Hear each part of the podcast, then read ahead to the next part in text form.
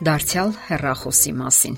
Երեքամյա փոքրիկը զգույշ նայում է շուրջ բոլորը, ապա վերցնում է առանց մեծահասակների հսկողության մնացած բջջային հեռախոսը։ Նա միացնում է այն, գտնում YouTube ալիքի իրեն այնքան ծանոթ նկարը եւ սեղմելով այն սկսում է ճանապարհորդել տեսանյութերի ամենաբազմազան աշխարհում։ Դա լավ է, թե վատ։ Շատ ծնողներ հպարտանում են, որ իրենց փոքրիկը կարողանում է օգտվել գիտության ու տեխնիկայի այդ հրաշքից։ Իսկ շատերն էլ բողոքում են, որ իրենց երեխաները լուրջ կախվածության մեջ են տեսանյութերից եւ առանց դրա պարզապես չեն պատկերացնում իրենց կյանքը։ Այսպես բարեկամը կարող է վերածվել ճշնամու, որովհետեւ անհնար է կանխատեսել, թե ինչպիսի նյութերի հետ կարող են բախվել երեխաները, եթե չլինի խիստ հսկողություն ձերքի հեռախոս։ Այո, այսօր նույնիսկ փոքրիկ երեխաներն են օգտվում գիտության այդ հրաշքից եւ այն այլևս զարմանք չի առաջացնում, որովհետեւ հիմնավորապես դարձել է մեր կենցաղի մասը։ Առանց դրա արդեն նույնիսկ դժվար է պատկերացնել կյանքը։ Իսկ ընդհանրապես մի քանի տարի առաջ քչերն ունեին տեխնիկայի այդ հրաշքը։ Այս սարքը նույն տարածումն է գտել ինչ հերոստացույցը, համակարգիչը եւ դեռ մի բան էլ ավելի։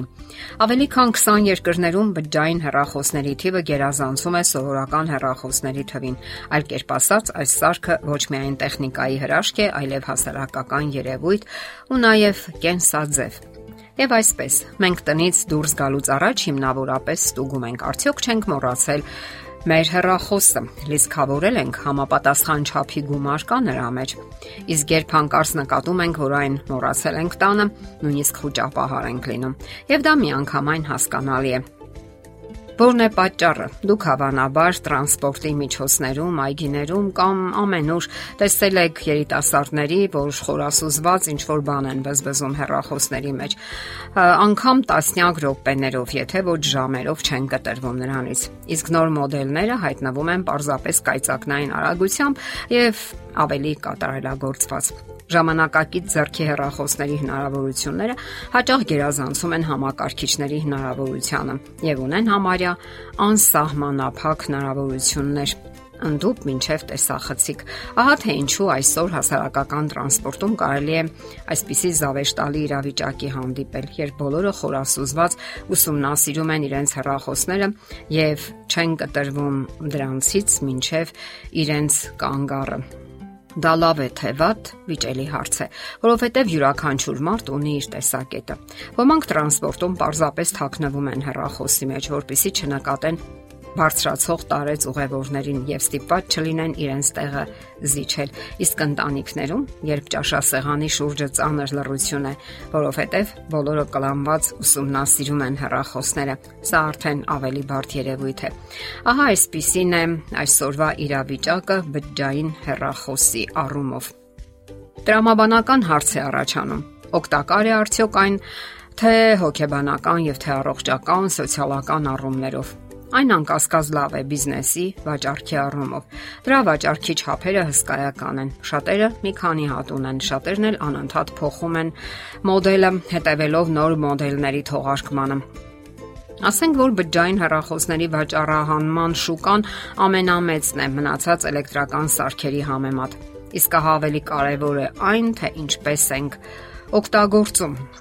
Դեռևս տասնամյակներ առաջ սոցիոլոգները նշում էին, որ անհամապատասխանություն է առաջանում տեխնիկայի զարգացման եւ մարդկային բարոյականության համաչափության միջև։ Նրանք նշում էին, որ տարիների հետ այդ անհամաչափությունն ու խզումը կարող է ավելի մեծանալ։ Դա իհարկե վերաբերում է թե հեռուստացույցին, թե համակարգչին եւ թե բջջային հեռախոսին։ Հարցն այն է, թե ում ձեռքում է գտնվում այն եւ ինչպես կարելի է օգտագործել տեխնիկայի ցանկացած հրաշք եւ սա կախված է մարդու անհատական մակարդակից եւ բարոյական չափանիշներից, թե ինչպես է նա օգտագործում այդ սարքը։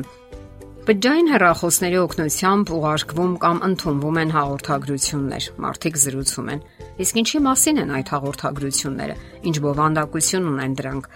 Հետազոտություններն օրինակ ողրզել են, որ 18-ից 24 տարեկան երիտասարդների 44%-ը հաղորդագրություն է ուղարկում որևէ մեկին սիրահետելու նպատակով։ 20%-ը այս սարքից օգտվում է ժամադրվելու նպատակով, իսկ 13%-ը սիրային կապերը խզելու համար։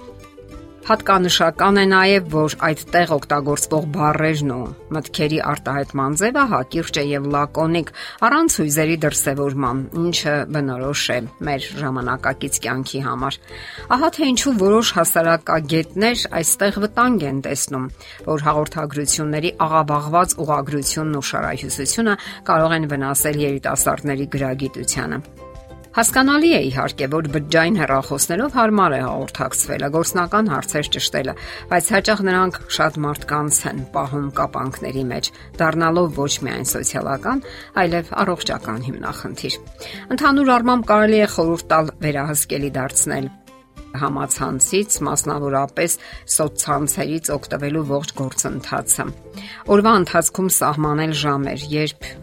եւ ինչպես օգտվել հեռախոսից, զգուշանալ հատկապես երեխաների առումով։ Կարելի է օրը հագեցնել օգտակար զբաղմունքներով, որpիսի սոցցանցերի նկատմամբ պահանջը հասնի նվազագույնի։ Շատ լավ է օգնում արգելքի վարժությունը։ Երբ ցանկություն է առաջանում ստուգել համացանցը, ինքներդ ձեզ արգելում եք եւ դրա փոխարեն ընթերցում եք որևէ գիրք, որևէ բան եք սովորում, ինչ որ բան եք պատրաստում եւ այլն։